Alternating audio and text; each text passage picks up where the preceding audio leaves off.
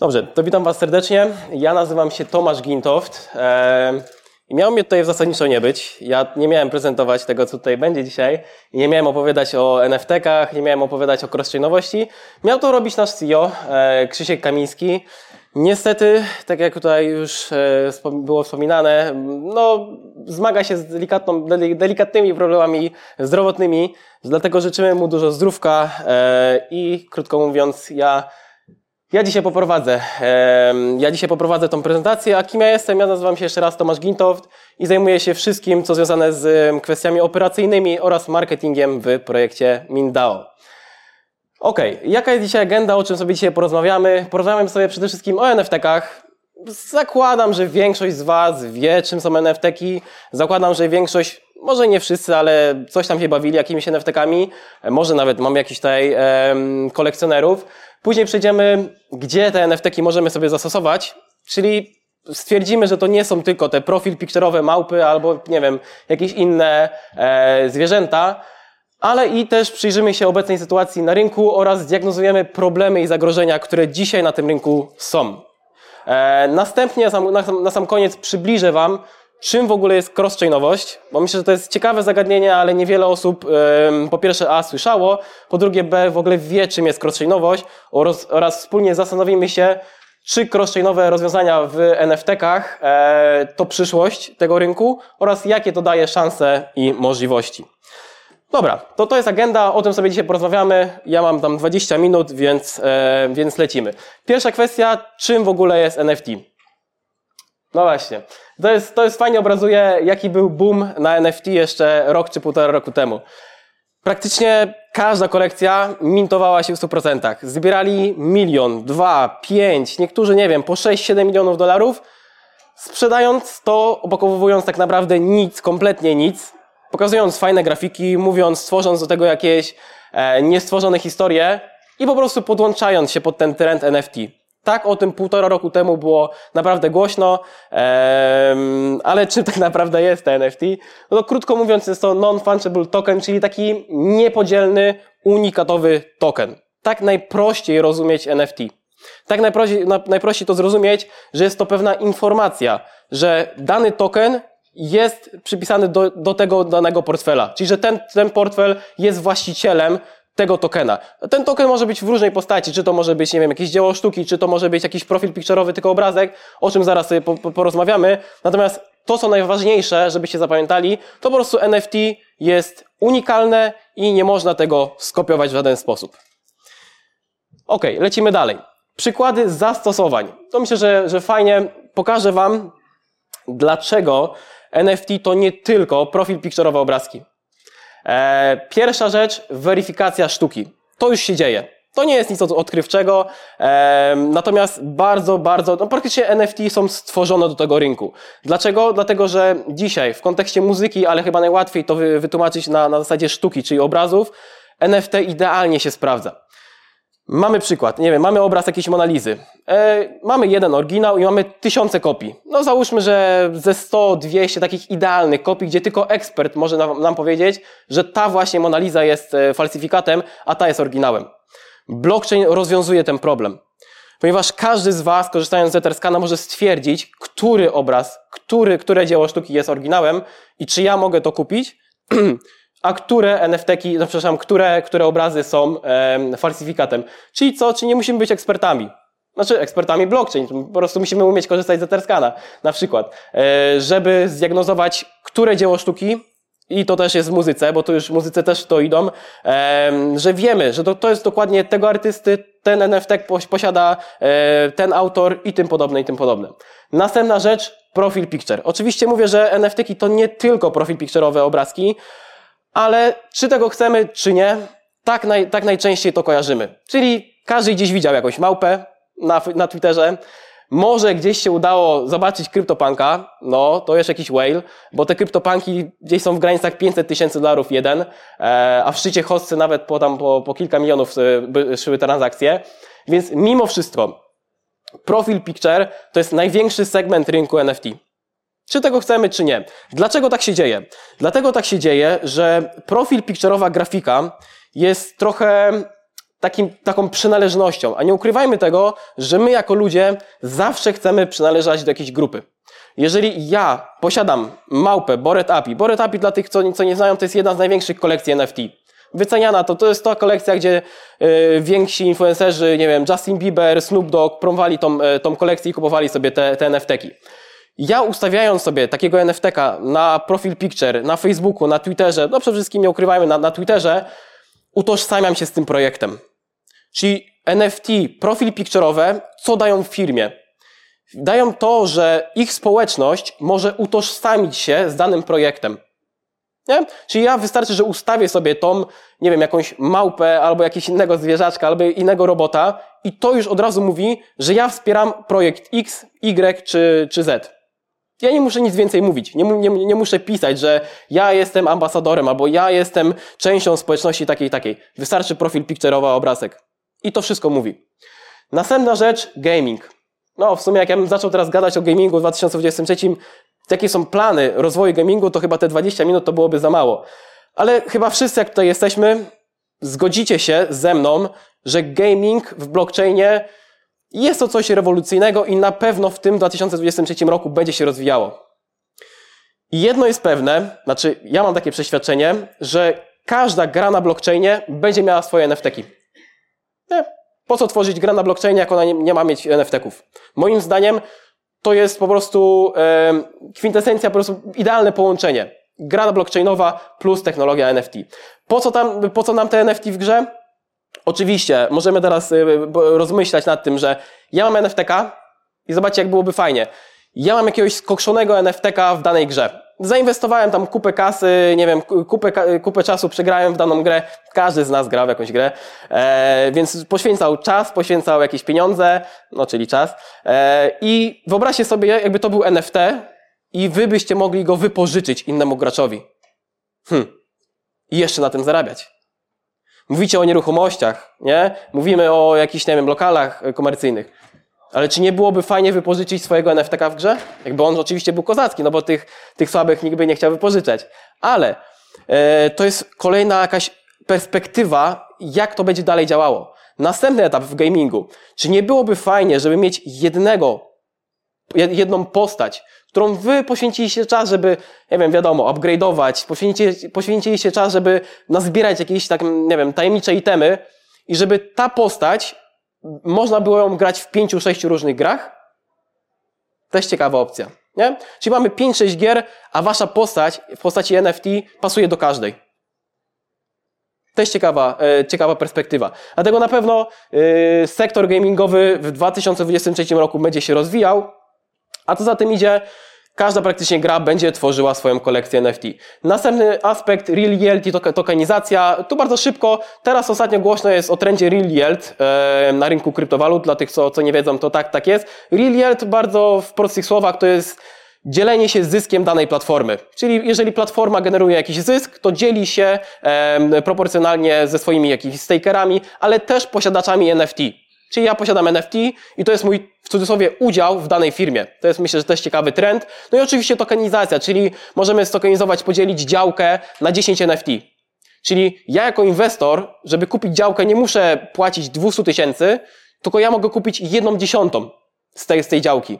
Czy to znowu nie jest atrakcyjne? Czy ten próg wejścia dla większej ilości osób jest, jest po prostu lepszy, jest, jest po prostu łatwiejszy. Bo ja nie muszę mieć 200 tysięcy, żeby wejść w jakąś jedną działkę inwestycyjną, tylko ja potrzebuję mieć 10-15 tysięcy i kupuję sobie udział tak naprawdę w tej działce. Mogę go sprzedać, mogę sobie handlować, a jak będę miał całość, no to jestem, jestem jako jednoprawny e, posiadacz tej działki. I oczywiście kolekcjonerstwo, może w Polsce to nie jest aż taki duży trend, chociaż ja pamiętam w szkole podstawowej jakieś tam Pokémony się zbierało. Mój tata pamiętam zbierał, e, zbierał znaczki pocztowe, e, więc może, ale, ale w każdym razie raczej to jest taki e, trend w Stanach Zjednoczonych, gdzie tam ludzie po prostu zbierają to pokoleniowo, te, te karty baseballistów i tym podobne, więc to jest też fajny trend, który się widzimy, że w Stanach bardzo mocno rozwija, bo i mamy już NBA wchodzi w to i widzimy, że teraz Premier League e, będzie wypuszczało kolekcje kolekcjonerskie ze swoimi piłkarzami, więc to już się dzieje, nie? To już się dzieje i ja Wam pokazuję tymi przykładami, że NFT to nie tylko profil picture'owe e, obrazki. OK, ale żeby nie było tak kolorowo, to przyjrzyjmy i zobaczmy, gdzie dzisiaj jesteśmy. Nie, bo ja mówię wam tutaj, że, że jest wszystko fajnie, ale dzisiaj w liczbach, jak sobie zobaczymy, to jesteśmy minus 90% mniej więcej, jeżeli chodzi o wolumen rynku NFT. Nie? Czyli podobnie jak krypto ogólnie, e, bo oczywiście te, te, te rynki są skorelowane. Co to świadczy i jakie są konsekwencje tego? No oczywiście zmniejszona ilość transakcji e, na wszystkich praktycznie kolekcjach NFT i ogólnie na, na wszystkich marketplace'ach. E, spadek zainteresowania, no tak jak całym rynkiem krypto, to nic tutaj nie jest odkrywczego. Większość kolekcji nie wróci do swoich wycen. To jest myślę, że bardzo ważne bo w tym całym boomie e, na rynku NFT projekty zbierały horrendalne kwoty. 5 milionów? Po co projektowi NFT 5 milionów? Ja nie mam pojęcia. E, natomiast nie zmienia to faktu, że te wyceny pozwalały tym projektom tak zbierać e, takie duże, po prostu tak duży kapitał. Natomiast niestety większość z tych projektów po prostu nie wróci do swoich wycen. Nie, więc też proponuję nie zakochiwać się w, w kolekcjach NFT, bo niektóre po prostu przestaną istnieć.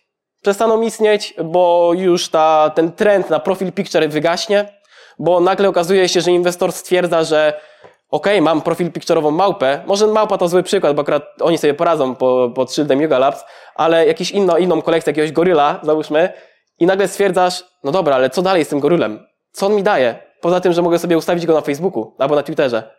Jak, gdzie jest użyteczność tego, e, tego NFT-ka? I nagle teraz okazuje się, że inwestorzy w rynku NFT zaczynają mówić, sprawdzam, gdzie jest faktyczna użyteczność tego, tego NFT. No i okazuje się, że w dużej większości projektów tego użyteczności po prostu nie ma. Że my zrobiliśmy sobie grupę na Discordzie i to jest użyteczność, nie? Nie mówię oczywiście, że budowanie community to jest jako użyteczność, ale niestety większość projektów powiela tylko pewne schematy, za którymi nic nie stoi. O, no tak, to jesteśmy, to jesteśmy my, yy, którzy budują na tym rynku NFT. No to w sumie jest w porządku, nie? Jest minus 90, dużo strachu, tak jak inwestorzy w krypto. Zresztą tak jak wy tutaj, wszyscy. Yy, duże spadki, ale my mówimy, będzie dobrze, będzie dobrze, bo musi być. Yy, ale mam do was też pozytywne informacje z rynku NFT, ponieważ w tym samym czasie, gdzie mamy praktycznie najniższe wolumeny, gdzie mamy spadki, gdzie mamy mniejszą ilość transakcji, gdzie mamy to, co o wszystkim przed chwilą mówiłem, to w tym samym czasie Porsche, Starbucks, Tiffany, Prada, Gucci, e, Nike, Donald Trump, ten były prezydent Stanów Zjednoczonych, czy Cristiano Ronaldo wypuścili swoje kolekcje NFT. Ja osobiście jestem w szoku. Będąc kilka lat na tym rynku, w życiu bym się nie spodziewał, że Poczta Polska na dnie Besty wypuszcza swoją kolekcję NFT. W życiu bym się tego nie spowiedział. Że, y, że Orkiestra Świątecznej Pomocy będzie mówiła o NFT. Że Cristiano Ronaldo to może jeszcze, ale że Donald Trump to w życiu bym się tego nie spodziewał. Co nam to pokazuje i do jakich wniosków nas to prowadzi? Mianowicie, że jeszcze nigdy nie było tak mocnych fundamentów, jak teraz jest na rynku NFT. Nigdy w historii e, tego rynku nie było tak mocnych fundamentów. Pokazuje nam to również to, że firmy i znane osobowości coraz chętniej otwierają się na ten rynek. Ponieważ widzą nie tylko, że to będzie profil picture'owy obrazek, ale że jakaś technologia za tym stoi, że jakaś użyteczność dla odbiorcy musi też za tym stać. Oczywiście to jest to, że NFT już nie tylko y, to jest profil picture'owa kolekcja oraz to, że coraz ciekawsze użyteczności można właśnie tam zaimplementować. OK, mamy wnioski, jest, znowu jest fajnie. Natomiast my jako Mindaos też diagnozujemy bardzo dużo, mm, może nie bardzo dużo, ale kluczowe problemy, jakie są na tym rynku. Zdiagnozowaliśmy takie trzy podstawowe. Jest to interoperacyjność, bezpieczeństwo i adopcja. I zaraz chwilę to rozwinę, żeby, żeby Wam to przybliżyć i żebyście to też zrozumieli i żebyście sami też zauważyli te problemy. Mianowicie interoperacyjność. Mam tutaj, rozumiem to przez to, żeby, że nie ma dzisiaj możliwości komunikacji między blockchainami. Wiecie, blockchainy mówimy o Ethereum, Polygon, e, nie wiem, jakieś tam kosmosowe, polkadotowe, cardanowe. Każdy was kocha jakiś inny chain, nie? Tak jak kochacie jakieś inne tokeny, zakochujemy się w jakichś innych tokenach, tak samo jest z blockchainami. Ja jestem fanem kosmosu, a nie, ja jestem Polkadot. Okej, okay, wszystko fajnie, ale dzisiaj, jeżeli tworzymy NFT, czyli mamy technologię, wykorzystujemy NFT, technologię NFT, to możemy ją tylko i wyłącznie zrobić na jednym chainie. Czyli jak tworzymy kolekcję, to robimy ją na przykład na, tylko i wyłącznie na Ethereum. I ona nie może się komunikować na przykład z poligonem, który może się szybko rozwijać. Albo nie może się komunikować z kosmosem, który też równie bardzo szybko się rozwija. Albo jeszcze innym z Polkadotem, którym, nie wiem, aktualnie e, blockchain deweloperzy pracują chyba naj, naj, najmocniej, bo tam jest naj, najwięcej aktualnych blockchain deweloperów. Następnym aspektem, czyli mamy co? Pierwszy, brak możliwości komunikacji i integracji z różnymi blockchainami. Następnie bezpieczeństwo. Słuchajcie, nasz projekt e, wywodzi się z Tery. Pamiętacie to jeszcze? Terra, Luna. Ciężko zapomnieć. Nam też. Ciężko zapomnieć. No tak, my przeżyliśmy ten, ten, ten, ten upadek. Ciężko. Ciężko. E, ciężko to przeżyliśmy. Każdy nas to odczuł e, boleśnie na swoich portfelach. Jako projekt też. Bo przecież też mieliśmy bardzo dużo kapitału. Ratowaliśmy się tym DPG-iem tam po 0,30, 0,40. Najtrudniejsze decyzje w, naszej, w naszej historii projektowej. Czyli upadek Tery. Co nam to pokazało? I co nam, jak, jak, nam, jak mocno otworzyło nam to oczy, że nie można ufać jednemu blockchainowi. Że ten rynek to jest rynek startupów. Pamiętajcie o tym. Ten rynek nie wiemy. Zobaczcie, Solana rok temu, Solana teraz. Kto jeszcze by powiedział rok temu, że tam Solana będzie na minus 99% e, spadków? No wiadomo teraz, która tam odbiła, nie? Ale też nie wiadomo, jaki jest dalszy los tej Solany. Gdzie jeszcze rok czy dwa lata temu każdy mówił, że to jest Ethereum Killer. No, z tego Ethereum Killer to się każdy śmieje, ale, ale wiadomo, jaki jest zamysł y, tego wszystkiego. Po prostu dzisiaj nie możemy w pełni budować na przykład, nie wiem, na Poligonie, Avalanche czy jakimś innym chainie z myślą taką, że to jest bezpieczeństwo, full, y, full opcja i że nic się nie, nie wykolei. Na też, też tak mówiliśmy. Rynek, rynek nas weryfikował wszystkich. Dlatego, jeżeli jest możliwość, to moim zdaniem niezasadnym jest poleganie tylko i wyłącznie na jednym e, blockchainie. I ostatnia rzecz, adopcja. Słuchajcie, ja mam czasy, często z tym problem, bo jak tłumaczę nowym znajomym, żeby sobie wymintowali albo coś kupili jakiś projekt na, nie wiem, na kosmosie, to jak, jak to wytłumaczyć? Że masz inny portfel niż Metamask? A czym jest Metamask? Czyli sobie, zobaczcie, jak my mamy iść w stronę adopcji, skoro każdy chain ma inny wallet. Ok, mamy te EVM, czyli mamy um, Ethereum, Polygon, e, tam jakiś Phantom, Moonbeam, mamy Metamask. Ok, jesteśmy zadowoleni. Ale Cosmos mamy, yy, mamy wallet Kepler. Mamy Polkadot, ten to w ogóle, ten wallet to działa jak nie działa. Yy, mamy jakieś SUI, Kosmosy, przepraszam, e, Aptosy, nowe, nowe, nowe chainy, które powstają. Znowu, znowu kolejne wallety. Czyli czy to jest adopcja? Że powstaje coraz to więcej portfeli, Przecież my zamiast iść w stronę ułatwienia, my tylko i wyłącznie utrudniamy wejście nowej osoby na ten rynek. Ok, i teraz przejdziemy do sedna, czyli czym jest cross-chainowość? Znowu najłatwiej, bo ja jestem akurat łopatologicznie staram się do tego wszystkiego podchodzić. Ja nie jestem blockchain developerem, więc ja staram się do tego podchodzić na chłopski rozum. Cross-chainowość to krótko mówiąc jest możliwość komunikacji między tymi blockchainami najprostsza definicja, jaką się da zrobić. Czyli mamy dwa blockchainy i cross-chainowość po, pozwala nam na wysyłanie albo informacji, albo również budowaniu yy, na tych dwóch yy, równocześnie blockchainach. Nie? Ja tak troszkę podam jakichś przykładów, to wydaje mi się, że to będzie yy, bardziej zrozumiałe. Lecimy dalej. I teraz, jakie szanse i możliwości daje nam właśnie crosschain w technologii e, NFT?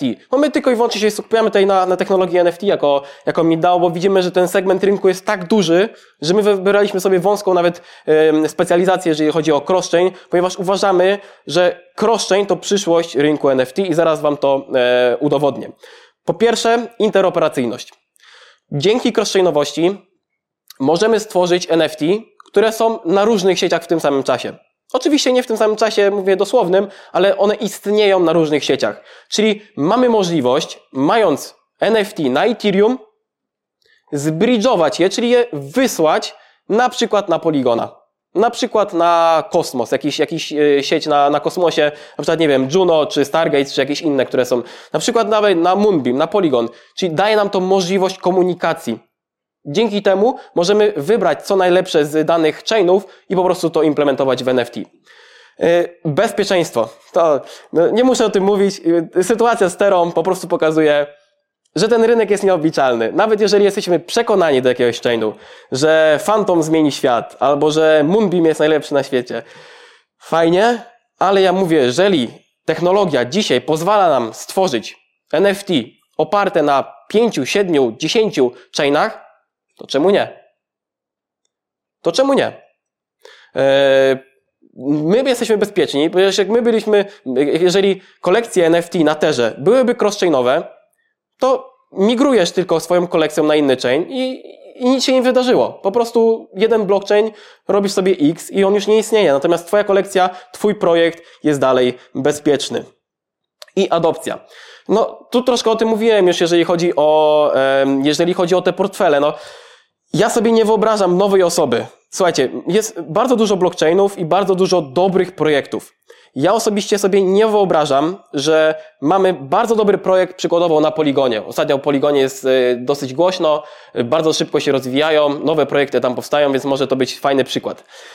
Nie wyobrażam sobie wytłumaczyć nowej osobie, że mamy dobry projekt na Poligonie i on sprzedaje kolekcję NFT. I za, to, za, to, za jednego NFT chcą na przykład 100 USDC na sieci Polygon. I teraz weźcie nowej osobie, wytłumaczcie, jak ona ma Ethereum przekonwertować na 100 USDC na sieci Polygon. Hm. Myślę, że część z Was wie. No, użyć jakiegoś bridge'a, e, skonwertować to. Mm, my to wiemy, ale nowa osoba? Jeszcze musicie mieć matiki przecież do, do opłat transakcyjnych. Więc okazuje się, że to nie jest krok w adopcji.